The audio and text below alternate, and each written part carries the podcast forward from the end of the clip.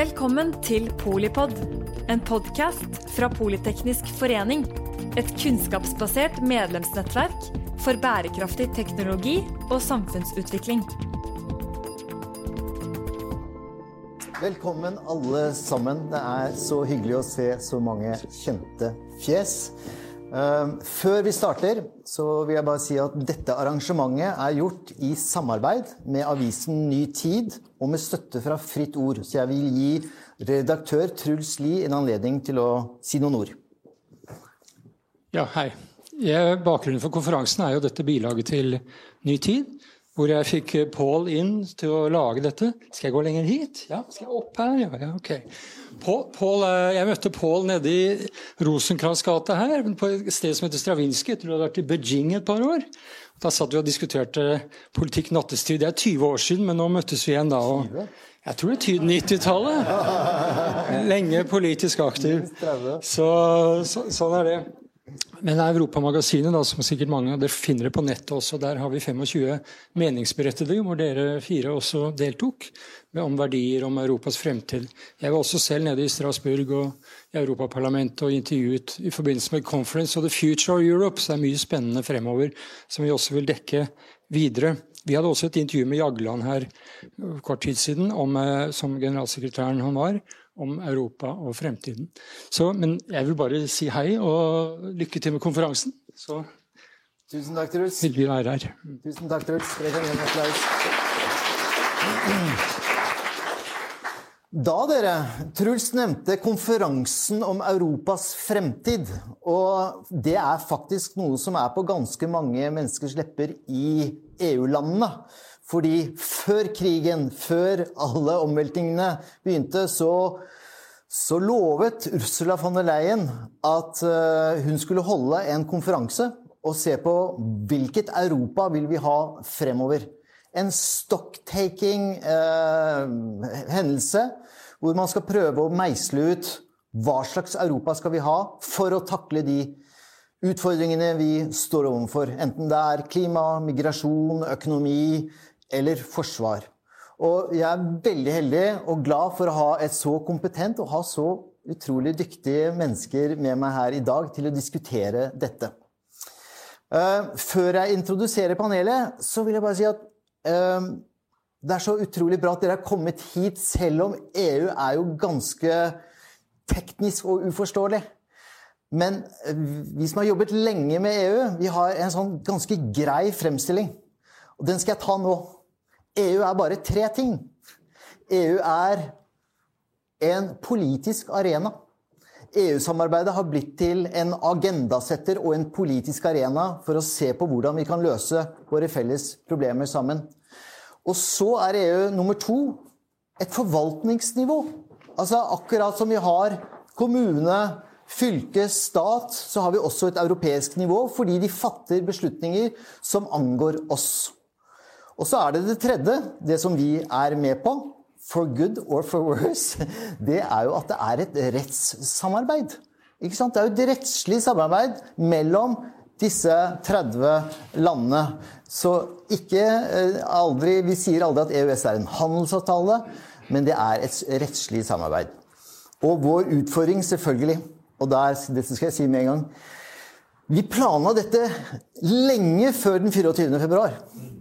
Og da sa vi at vet du hva, vi skal i hvert fall ikke snakke om Norges forhold til EU. For vi har en tendens til å alltid hoppe ned i den graven der. Men vi skal forsøke å løfte blikket og se på hva er Europa i dag? Og hvordan kan Europa rigges for å gå videre? For å komme nærmere folket og for å løse alle de problemene vi har snakket om. Det var min innledning. Så skal jeg introdusere panelet. Veldig glad for å ha Mathilde Fasting, eh, som er Jeg må innrømme at når jeg skulle google dere alle sammen, så ble jeg litt sånn eh, de har så veldig moderate titler. Mathilde er jo da prosjektleder i Civita. Nå ser jeg at eh, Kristin Clemet er der, så jeg skal ikke be om noe bedre tittel nå. Men Mathilde er liksom en av som dere sikkert har fulgt med på, en av de toneangivende stemmene i norsk samfunns, samfunnsdebatt. Og jeg er veldig mektig imponert over arbeidet du har gjort med Francis Fukuyama og det, uh, den boken uh, hans. Så Mathilde Fasting fra, fra Civita. Og så har jeg selvfølgelig uh, Sylo Taraku, som også er rådgiver, men allikevel også en veldig toneangivende stemme i mye av den internasjonale debatten, særlig om migrasjon, som man skal snakke om mer her, men også eh, dekker en rekke andre områder. Veldig glad for å også ha Pernille Riker fra NUPI, som også har eh, Hva er det du er? Du er også seniorforsker. Altså i, i Brussel eller i Washington så ville hun vært vice president av et eller annet. Men Pernille, som dere kanskje har, eh, har, sett, så har Pernille vært en veldig klar stemme i å få frem dette som vi skal snakke om litt i dag. Den nye rollen til EU, som vi er veldig uvant med her hjemme. Eh, hva slags rolle EU har på det feltet som har med forsvar å gjøre. Sist, men ikke minst, veldig glad for å få med ungdommen, fremtiden. Eh, Ane Breivik, leder i Unge Venstre, som, som jeg skal utfordre litt spesielt på slutten, Ane. Så dere jeg tenkte vi skulle begynne med Pernille. Fordi, øh, øh, fordi eh, det er krig. og Europa har hatt et fredelig 70 år, som plutselig nå har blitt snudd opp ned. Og vi har jo også hatt en amerikansk ledelse som har fått oss til å stille noen spørsmål. Så jeg vil spørre, spørre Mathilde sånn i begynnelsen du mente Pernille nå? Jeg mente Pernille. Selvfølgelig. Jeg bare har litt tekniske problemer her, for jeg kommer ikke inn på iPaden min lenger. Ja. Men bare så jeg begynne hvis Jeg gjorde noe veldig lurt i sted. At jeg jeg kan eventuelt begynne hvis ja. Kanskje han skal begynne likevel? Ja, for jeg bare må ha lite Fordi... Nei, nå er jeg klar. Veldig bra. Så jeg vil bare spørre Pernille. Har EU et forsvar? Eh, først så kan jeg, det, det korte svaret er ja. Eh, men. Og så kan jeg si litt mer om det. Eh, men det jeg har tenkt å snakke om, er egentlig litt bredere sikkerhet og forsvarspolitikken. Og at EU er en sikkerhetspolitisk aktør, i hvert fall, det er ganske sikkert. Og det er egentlig en veletablert sikkerhetspolitisk aktør. Og det er jo på basis av det vi alle vet, at EU er et fredsprosjekt. Og det er fortsatt utgangspunktet, og det er fortsatt viktig. Men så har Ukraina-krisen også vist at EU også er en helt sentral aktør som også kan reagere raskt. Som kanskje noen har tvilt litt på, men faktisk når det trengs, virkelig er en krise, så klarer EU å samle seg. Og Om vi også legger et utvidet sikkerhetsperspektiv til grunn, med klima og andre eksistensielle utfordringer vi står overfor, så blir EU enda mer sentral eh, som sikkerhetspolitisk aktør. Eh, men siden Europa nå er i krig, eh, skal, så hadde jeg tenkt at vi skulle se litt nærmere nettopp på denne forsvarskomponenten. Eh, fordi det, dette området er jo et område som EU har jobbet med lenge. Og det begynte jo med krigene på Balkan, som på en måte satte i gang prosessen. Så det har pågått en god stund, og det har skjedd mye. Men det har gått kanskje litt tregt, syns mange. Det har vært mange utfordringer. Eh, og som på veldig mange sensitive politiske områder i EU, så, så tar, det, tar, det, tid. Men det går sakte frem. Det er liksom to skritt frem og ett tilbake. Eh, men selv om det har tatt tid, så er på en måte det viktig å påpeke at det har gått fremover hele veien. Kanskje ikke så raskt som man kunne ønske. Eh, og om ikke alle initiativene har blitt akkurat sånn som man hadde tenkt seg i utgangspunktet, og kampgruppene som dere kanskje har hørt om, de ble etablert og har aldri blitt tatt i bruk. Ehm, så har det likevel vært en utvikling mot en sterkere EU på dette området. Så status per i dag, hvis man skal ta det først, før, før Ukraina-krisen, eller status før Ukraina-krisen, rettere sagt, det er at EU eh, e har foretatt over 30-talls krisehåndteringsoperasjoner rundt omkring i verden. Og de fleste av disse er riktignok ganske små, og de fleste av de er sivile eller sivilmilitære, men like fullt så er de veldig viktige. Men hovedutfordringen for EU å etablere seg på dette feltet eh, har vært todelt.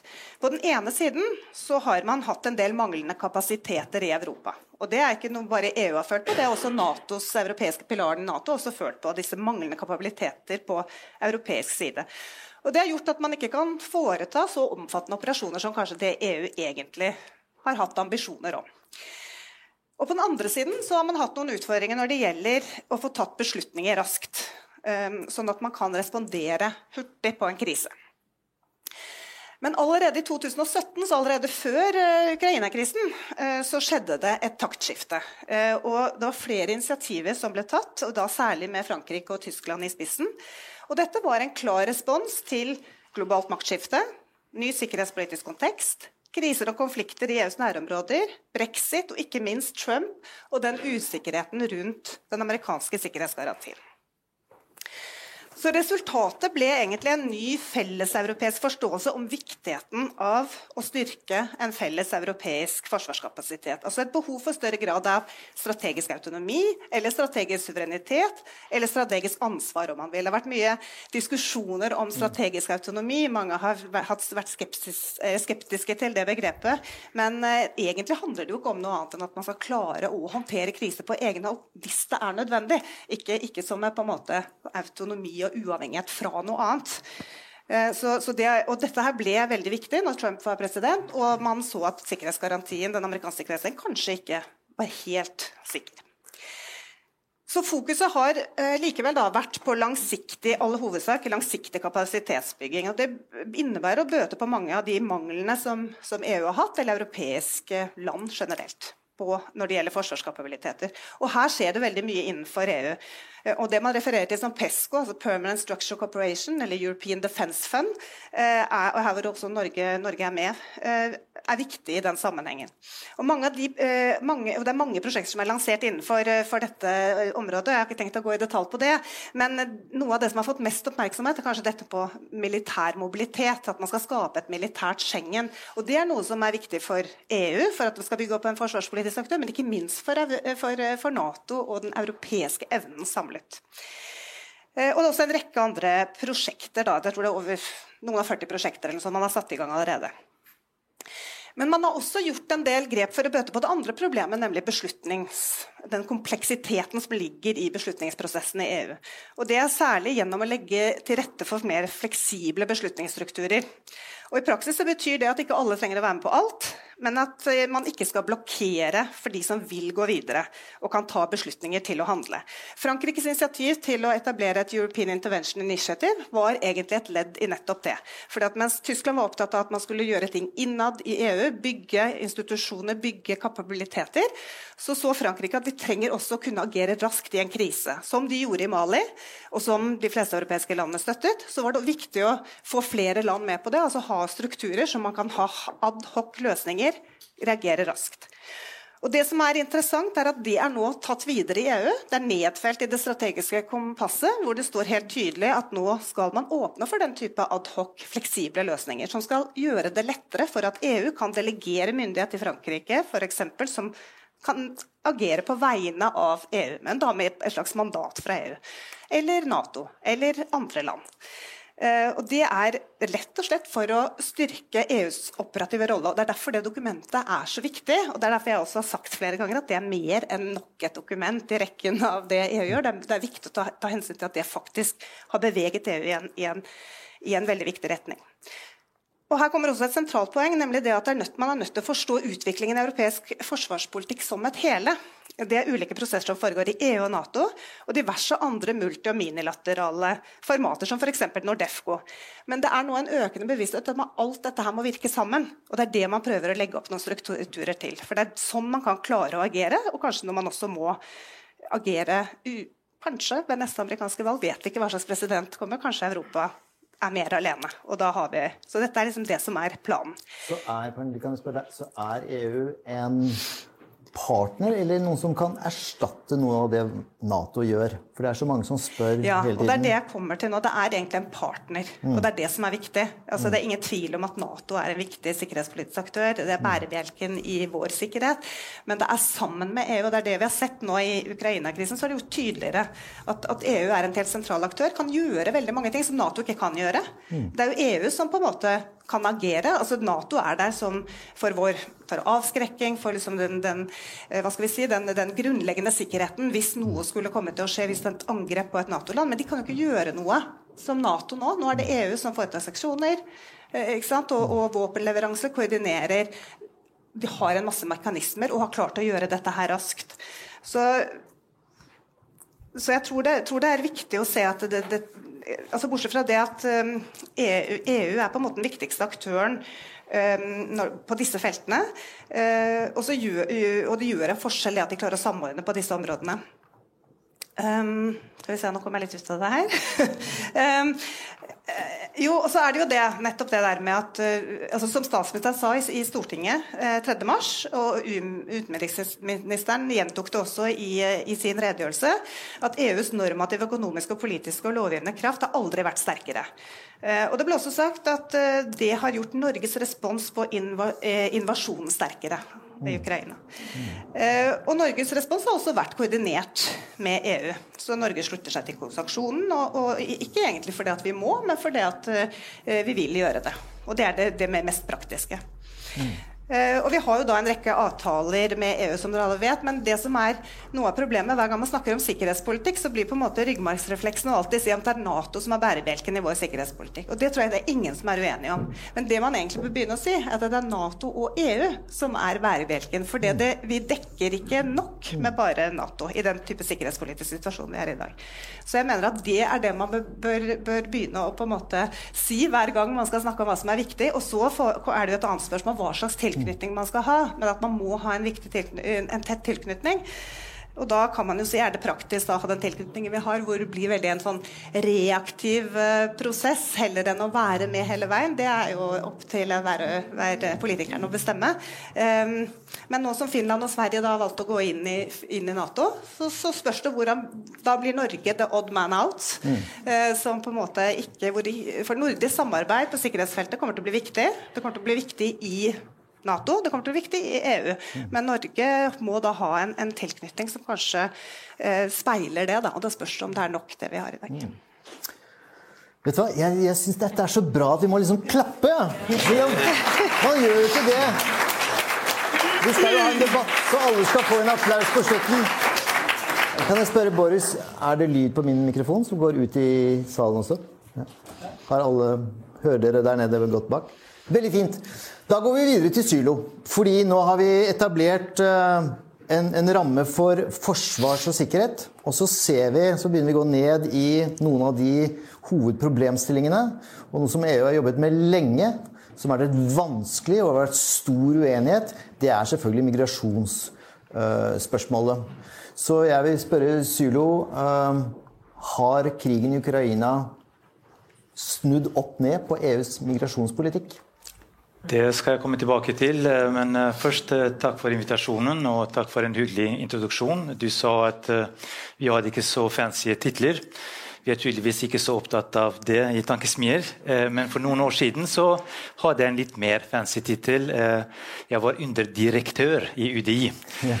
Og da folk spurte meg om hva jeg jobber med, der så, så sa jeg jeg jobber med forvaltning av Norges deltakelse i EUs Dublin 2-forordning. Så sa folk liksom Dublin hva? Eh, det er jo ikke så lett å, å ha oversikt over alle de direktivene og forordningene som vi må forholde oss til. Det er eh, mange eh, som jobber i ulike bransjer, som er eksperter på akkurat det direktivet som de må følge, men som ikke nødvendigvis vet hva Dublin-forordningen er. Og mens jeg som jobbet med det, eh, visste mye om Dublin-forordningen, men ikke så mye om de andre eh, direktivene. Eh, og det som, det som, var interessant med, med, den jobben, var å oppleve EUs asylsystem fra innsiden. For Én ting er å lage regler og direktiver og standarder som alle medlemsland skal forholde seg til. Noe annet er å samarbeide om implementering av dem på daglig basis. Det er det vi, vi gjorde. Eh, og jeg merket meg eh, to ting. Eh, det ene var at vi hadde forskjellige tolkninger av de samme lovene. Så det var en del krangel, men frem og tilbake. Men, men det gikk bra. Spesielt italienere var litt kjipe av og til, men vi klarte å finne løsninger. Og det andre var at jeg opplevde at vi, altså vår forvaltning, var mer lojale mot EU-lover enn det medlemslandene var. Eh, så det var et paradoks da, at vi som ikke var med å bestemme disse direktivene, var veldig flinke til å gjennomføre dem og til å tolke dem i lojalitetsånd. Eh, Eh, asyl og eh, migrasjon er et eh, område hvor EU-land e samarbeider tett hver dag. Det handler om alt fra redningsoperasjoner i Middelhavet til kontroll av yttergrenser og samarbeid om identitetsavklaring og, retur. Norge er en del av dette samarbeidet, og det som skjer i EU på dette området, påvirker oss direkte. Eh, utfordringen er å samarbeide bra også under kriser, og ikke bare på daglig basis. Det klarte EU ikke å gjøre under flyktningkrisen i 2015. Eh, den krisen eh, splittet Europa. Den bidro til brexit, og så var dråpen som veltet glasset. Og noen spådde til og med at EU, at den krisen kommer til å føre til, at, til en desintegrasjon av EU. Eh, migrasjonskrisen avslørte eh, ikke bare EUs manglende beredskap, et viktig, viktig felt, eh, men også hvor sårbar integrasjonsprosessen var. At det kunne føre til en krise kunne føre til, til, revers. Fordi det som skjedde var at Schengen-avtalen ble satt helt ut av spill. Dublin-forordningen ble satt ut av spill. Eh, og den, de nasjonale grensekontrollene var tilbake. Også Norge eh, kontrollerte sine grenser den gangen. Riktignok var det midlertidig, men, eh, men, eh, symbolikken var tydelig. Det var nasjonens Europa som gjaldt under eh, en krisetid. Hva gjorde eh, EU-kommisjonen da? I stedet for å prøve å finne kompromissløsninger og forene de ulike posisjonene, så prøvde kommisjonen å sentralisere asylpolitikken enda mer Eh, da. Eh, med, gjennom en obligatorisk byrdefordelingsmekanisme som skulle besluttes gjennom flertallsbeslutninger. Altså hvor man kunne overkjøre enkelte medlemsland. Jeg husker eh, Da vi hadde denne debatten den, den gangen, så var jeg skeptisk til dette. Også fordi det var urealistisk både politisk, men også å implementere det i praksis. Eh, og så ble det, også Jeg ble derfor ikke overrasket over at EU eh, e mislyktes med, med, med, dette forsøket.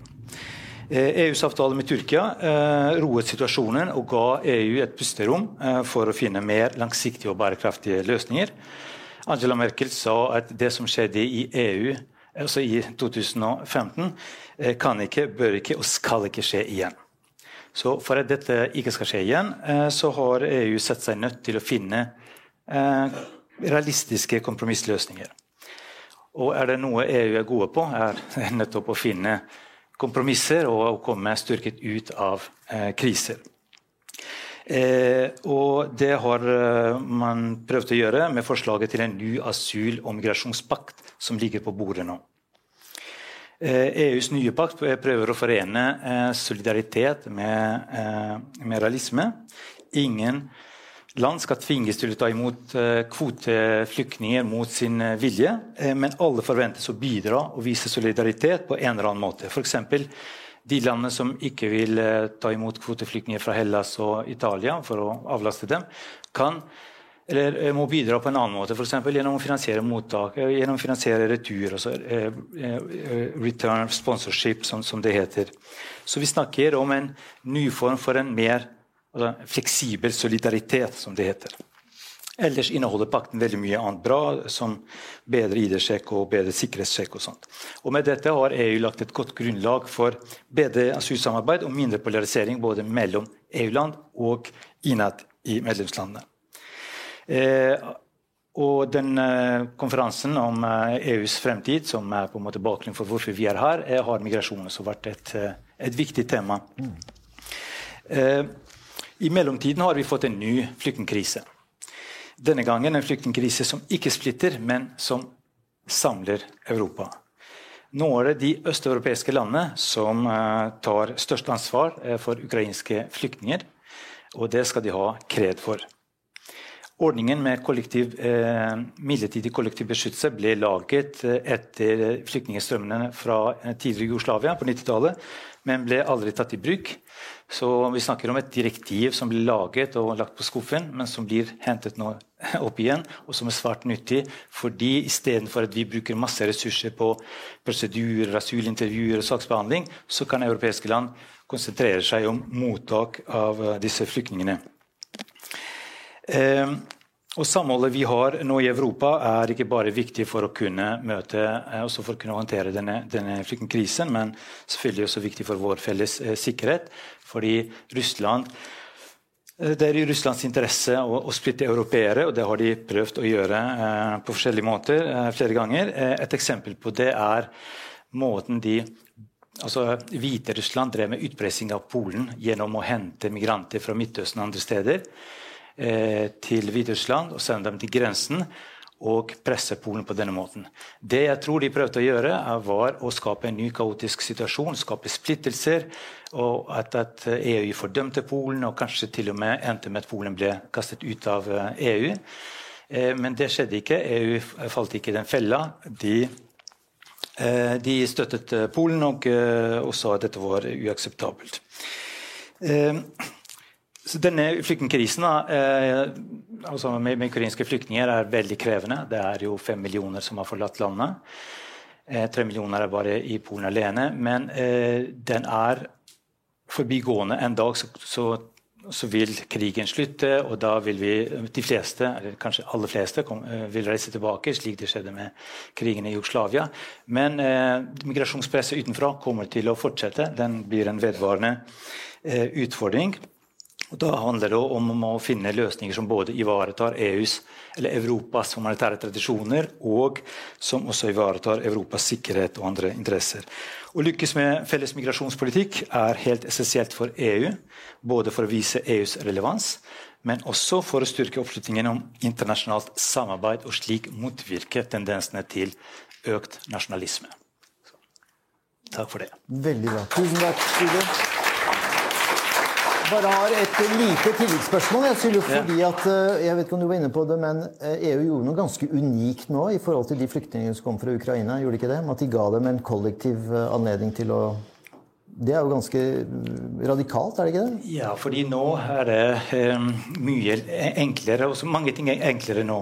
For det første så, trenger, så kan de reise visumfritt. Så man trenger ikke å ha kontroll av yttergrenser. Og så snakker vi om én bestemt gruppe og ikke en blandet gruppe, slik vi hadde i 2015. Så man trenger ikke å ha noen silingsprosess. Eh, og lettere å avklare identitet. Eh, det er ikke mye sånn sikkerhetstrussel inn i bildet og sånt. Så, så, da kunne man bruke den ordningen som ble brukt i Norge, altså kollektiv beskyttelse, eh, overfor eh, bosnere og kosovalbanere også. Veldig bra. Tusen takk.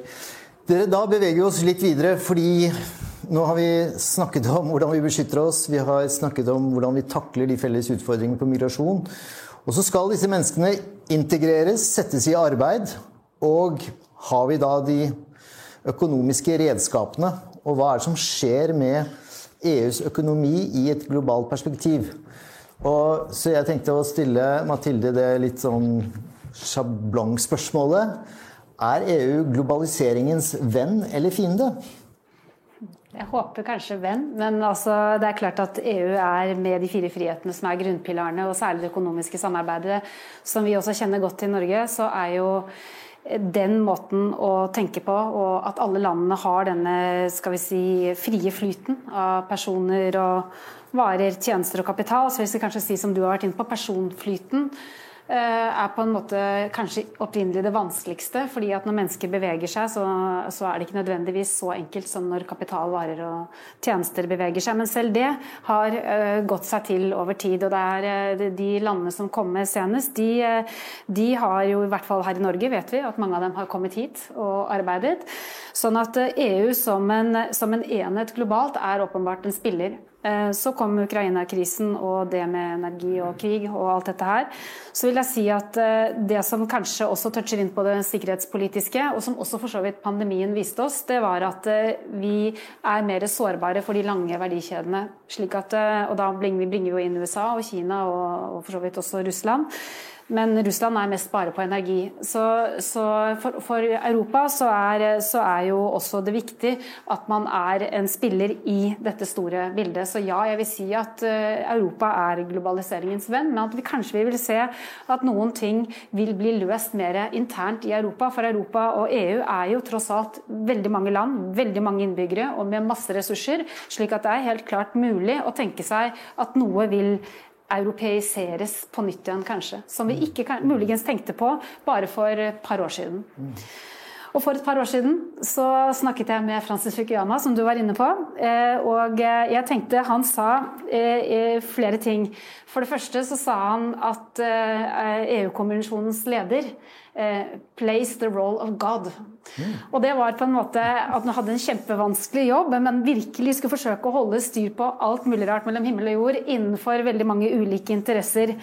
Og Han sa også en annen ting som jeg tror er viktig i eh, de tingene som du for så vidt har eh, bedt meg om å tenke litt på, nemlig skatt, big tech, pandemi, miljø, klima, den typen eh, temaer. Så er det klart at han sier også at the real power still remains on the national level. Og det er kanskje særlig i den konflikten jeg ser fremover for Europa, og det som på en måte må løses, men som for mange som tenker helt rasjonelt, så sier man at ja, big tech, skatt eh, store multinasjonale selskaper, det må skje på et internasjonalt nivå. Det nytter ikke at enkeltland går ut og gjør eh, enkelte småting. Og dermed så har man det samme også på, på pandemien. Der så vi at eh, Europa var måtte etter hvert forsøke å handle, selv om de var veldig, veldig det var stengte grenser plutselig i Europa. Det er jo relativt eh, Det var veldig vanskelig for noen som har vært vant til å reise frem og tilbake over, og også for flyten av, av varer, tjenester, alt mulig. Så det kan være, og forhåpentligvis, at Europa har lært, og EU har lært litt av dette. Og de klarte det på vaksiner. Og etter hvert så har det gått seg til. Så de fleste europeiske land har kommet seg ganske bra gjennom pandemien. Men så kom krigen i Ukraina. Eh, på mange måter så tror jeg at det har kanskje ført eh, noen av disse emnene inn på en mer det jeg vil kalle føderal tankegang, selv om det kanskje sitter langt inne å kalle fremtiden for Europa for føderal. Men på noen områder så er det jo nesten sånn i dag. På andre områder er det ikke det. Og det er klart at, at eh, både f.eks. på klima og miljø, hvor jeg tror virkelig at, at Europa eh, kommer til å se, og også handler nå, veldig felles på veldig mange måter, og at landene slutter opp om det, det er områder hvor jeg tror at vi vil se en mye sterkere sammenknytning enn vi har. Eh, så kommer energi inn, og der kan man jo med en gang se at noen europeiske land har store problemer med russisk energi, andre land har det ikke. Noen vil ha kjernekraft, at det skal telle med, andre vil ikke ha kjernekraft i det hele tatt. Så det er mer enn nok av problemer, men jeg tror allikevel at Europa gjennom disse par årene snarere har styrket seg enn det motsatte. Man skulle tro at kanskje brexit og UKs uttreden av, eh, av EU skulle svekke Europa, men jeg, jeg tror ikke tror det motsatte har skjedd. og jeg mener at det er bra, fordi de tingene som man skal løse her, er internasjonale problemstillinger. Akkurat som sikkerhet er det, så er, er også store skattespørsmål det. Eh, at selskapet legger en skatt i de landene hvor de opererer. At man har personvern, som er også en viktig ting. Eh, at big tech reguleres. At det kan komme flere pandemier hvor vi må ha beredskap osv. Det kan ikke tenkes innenfor nasjonalgrensene, det må tenkes i samarbeid. Og da er EU satt opp for å gjøre det. Ehm, det er også en ting som skjedde underveis i pandemien som jeg mener er en ting som, som, også peker i den retningen, men som er veldig vanskelig, og som går eh, et skritt videre. Og det var at det ble tatt opp felles gjeld. Mm. Og når det skjer, så må man jo tenke seg Alle vet at det er, eh, var og har vært store problemer med euroen. Jeg husker selv at jeg var i var i Frankrike da den euroen kom. Eh, vi fikk brød gratis en god stund, for hun dama klarte ikke å regne om, eh, å regne om det var veldig ille. Men en annen ting som også skjedde, var at, at, det var veldig mange franskmenn som plutselig var i de franske koloniene på ferie for i bøtter og spann, og selvfølgelig hadde dratt masse penger ut av madrassen så de måtte fortsatt bruke opp, altså de frangene som da ikke var i sirkulasjon. I Italia var det enda verre. Eh, det siste jeg har hørt nå, er at italienerne faktisk er tvunget til å, å få bøter hvis de ikke nekter å motta kontanter. Så det er et lite skritt videre. Men allikevel så vet vi at vi har hatt eurokrise, vi har hatt grekerne, har, det var nok et lite gjennomtenkt på en måte, selv om ideen kanskje er god. Eh, men det at man har et felles system både med valuta og også nå her da, med å ta opp gjeld, det vil jo gradvis bringe disse økonomiene sammen. Så har jo eh, verken Merkel eller Macron, da de var de to som var i lederstolen da, Macron er her fremdeles, de har jo ikke sagt noe om hvordan de skal eh, finansiere dette egentlig. Annet enn eh, kanskje at eh, man skulle lage en slags EU-selskapsskatt. Eh, kanskje en skatt på store selskaper for adgang til det indre markedet. Muligens noen miljøavgifter, sånne ting. Men, men det er jo eh, sannsynligvis vanskelig å tenke seg at du skal begynne å betale skatt til EU. fordi det handler også om en annen ting, og det er at eh, med, nasjon, med nasjonalstatene, som også Fukuyama er inne på, så spurte han om tror du at europeerne på noe tidspunkt vil ha en europeisk identitet. For det mente han måtte til for at du skulle kunne være med på og, ville eh, si, betale for å være innenfor det. Både få ting, men også betale for det, slik som du ville tenkt deg hvis du var eh, ikke norsk, da, men dansk, eh, svensk eller noe annet europeisk land.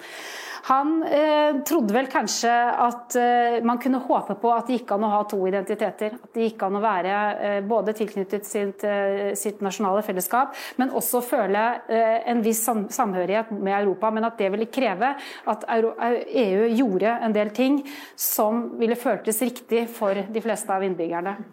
Jeg tror kanskje at klima er et sånt område, hvis man ser at det lykkes. Ehm, jeg tror eh, kanskje ikke folk er så opptatt av, av big tech-skatt, mulig. Jeg tror også at hvis man ser at man neste gang løser en pandemi eller en sånn type krise bedre, så vil det bringe europeerne mer sammen.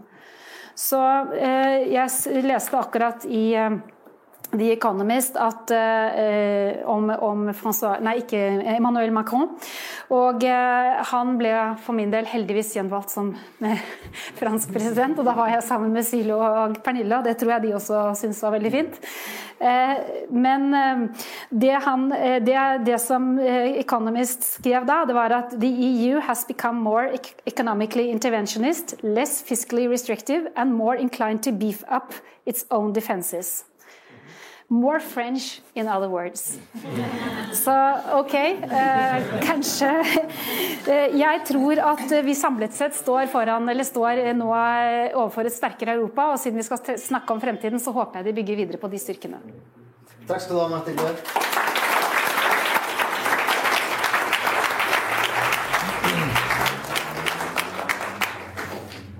Så jeg håper dere hører Altså dere ser at det er mange prosesser på gang som alle går i én retning. Eh, og det er å konsolidere og styrke europeisk eh, samarbeid. I Brussel snakker vi veldig mye om reshoring. Altså bringe produksjonen, bringe aktivitetene tilbake til Europa. Eh, og det er, reflekteres i mange, mange områder, og en del av de har allerede har vi vært innom. Men så vil jeg gå til Ane, fordi vi sa jo det at vi ikke skulle snakke om Norge. Men jeg vet at du har en klar stemme, og den er veldig, veldig bra. Men jeg vil prøve å utfordre deg litt, fordi at vi kan være enige om målet. Men uh, hvilken vei ser du?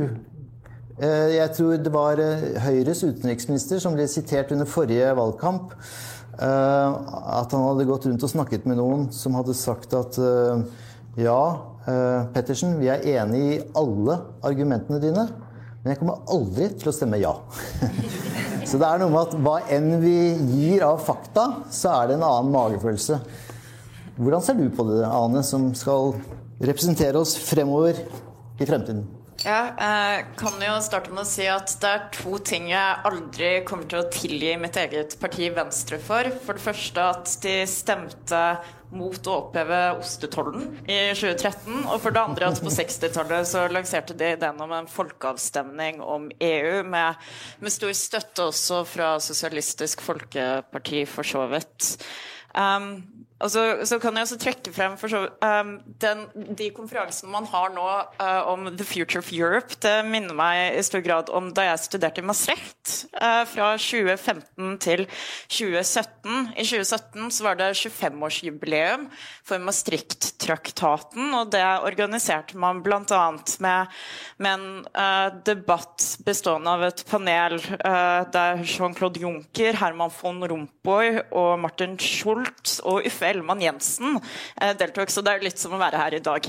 Eh, jeg husker, eh, jeg husker etter debatten For det, det, er jo, det, er jo, litt sånn Kan jo være litt ensomt å være skandinaver ute i den store verden ute i Europa. Så det, etterpå så fikk jeg snakke litt med Uffe Ellemann Jensen.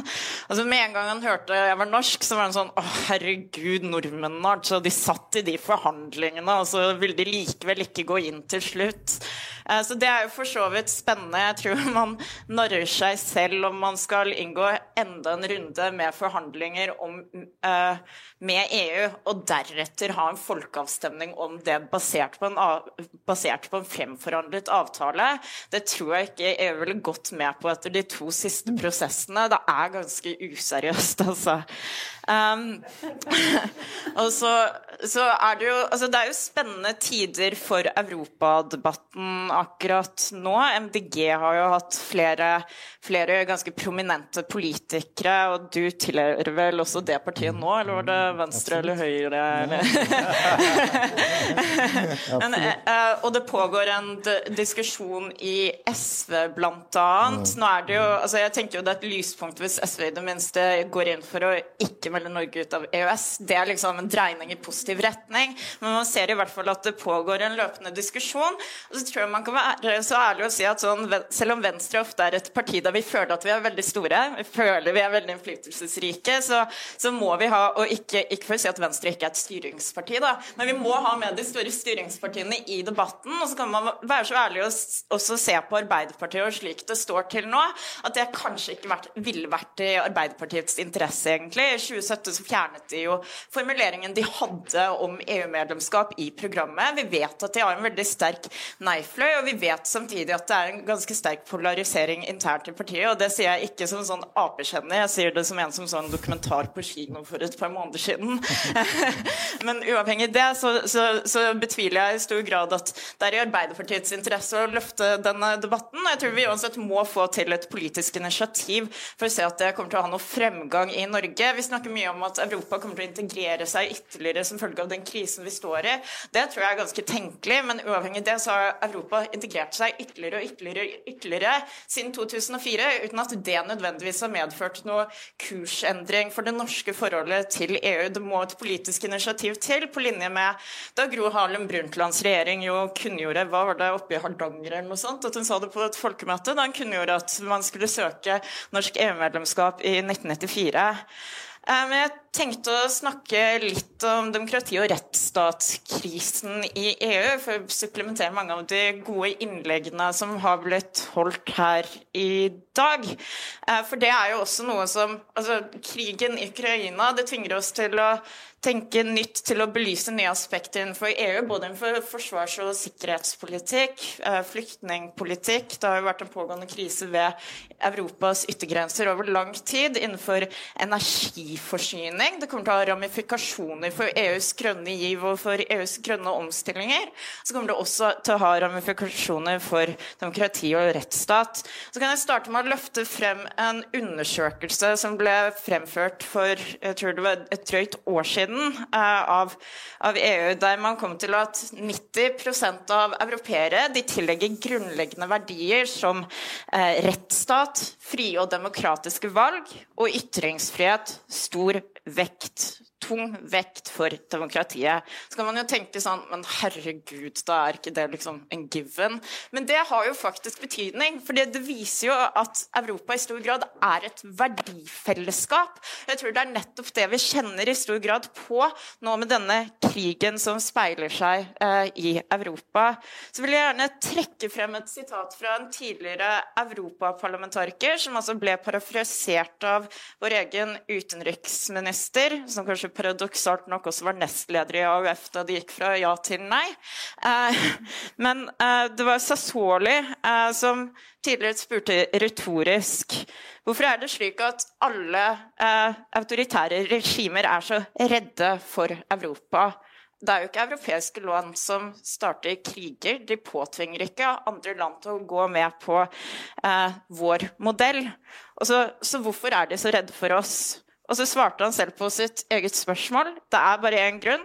Våre verdier gjør dem redde fordi frihet fører til likhet, rettferdighet, transparens, muligheter og fred. Og når det har skjedd i Europa, så kan det skje hvor som helst. Så kan jeg avslutte der.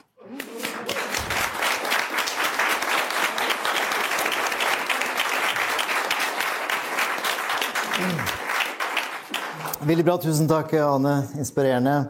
Jeg tror vi skal på den tiden som er igjen, plukke opp noen av spørsmålene. og Du kom inn på noe som er veldig interessant, som jeg har lyst til å utfordre Sylo på.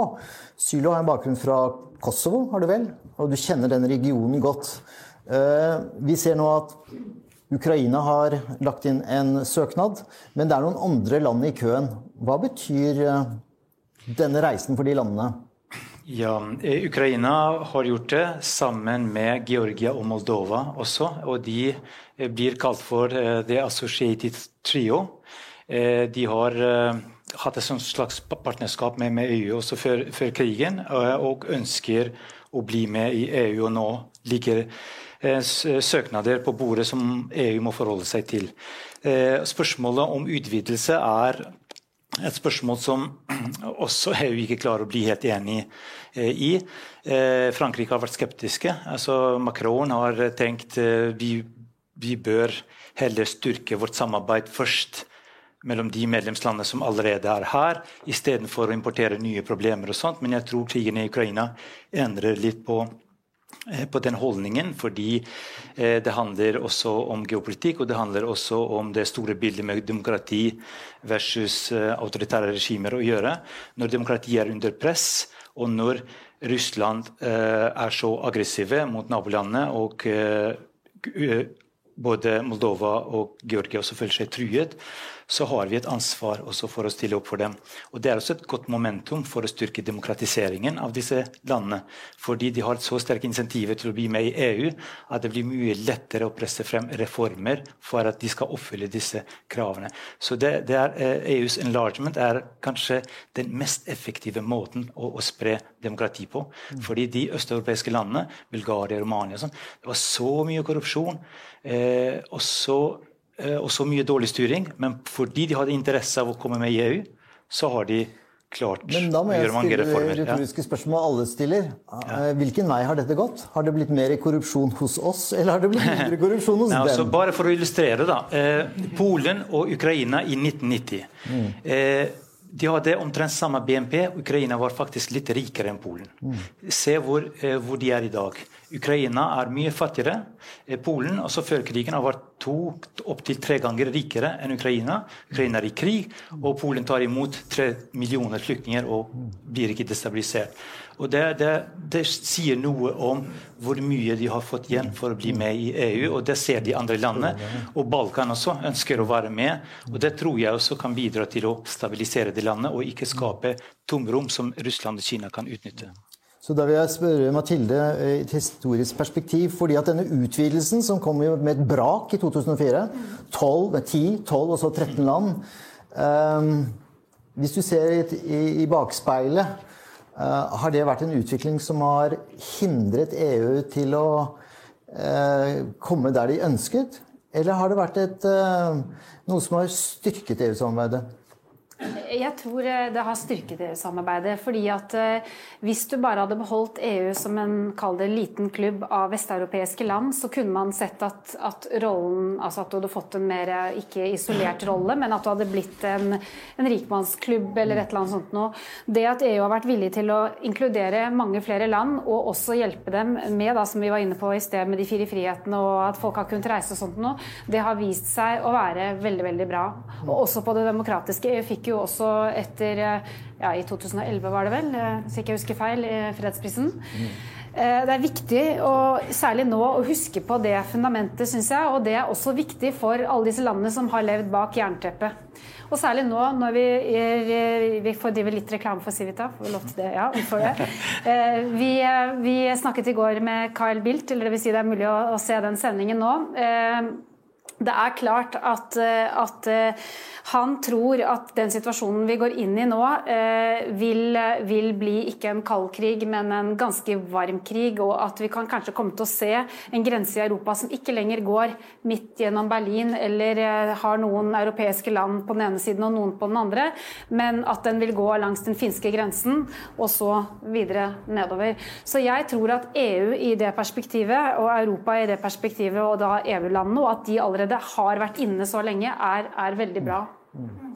Jeg vil, jeg vil da spørre Pernille, fordi et av de sentrale spørsmålene som nå skal tas stilling til i denne konferansen om Europas fremtid, det er nettopp om skal alle landene få lov til å opprettholde sin vetorett på de områdene som ikke har med markedet å gjøre, forsvarspolitikk, sikkerhet, uh, utenrikspolitikk osv. Um, er det realistisk, Pernille? Og hvis man får til en ny måte å skape forsvarspolitikk på. Vil vi da se en akselerasjon som, som kan bli uh, viktig for oss? Altså jeg tror det er vanskelig å på en måte bestemme seg for at man skal ta bort vetoretten eller på en måte at, sånn i grunn, grunnlaget innenfor det politikkområdet. Så Man vil se en utvikling som vi har sett nå, at det er fleksible ordninger. Det at du får uh, ulike hastigheter, om du vil. Det, det, er jo det PESCO handler om, er at mm. noen land går foran. Nå er det sånn at PESCO inkluderer nå nesten alle. Det er bare noen få som står utenfor. Så det er jo grunnen til at Frankrike har kommet med disse andre initiativene.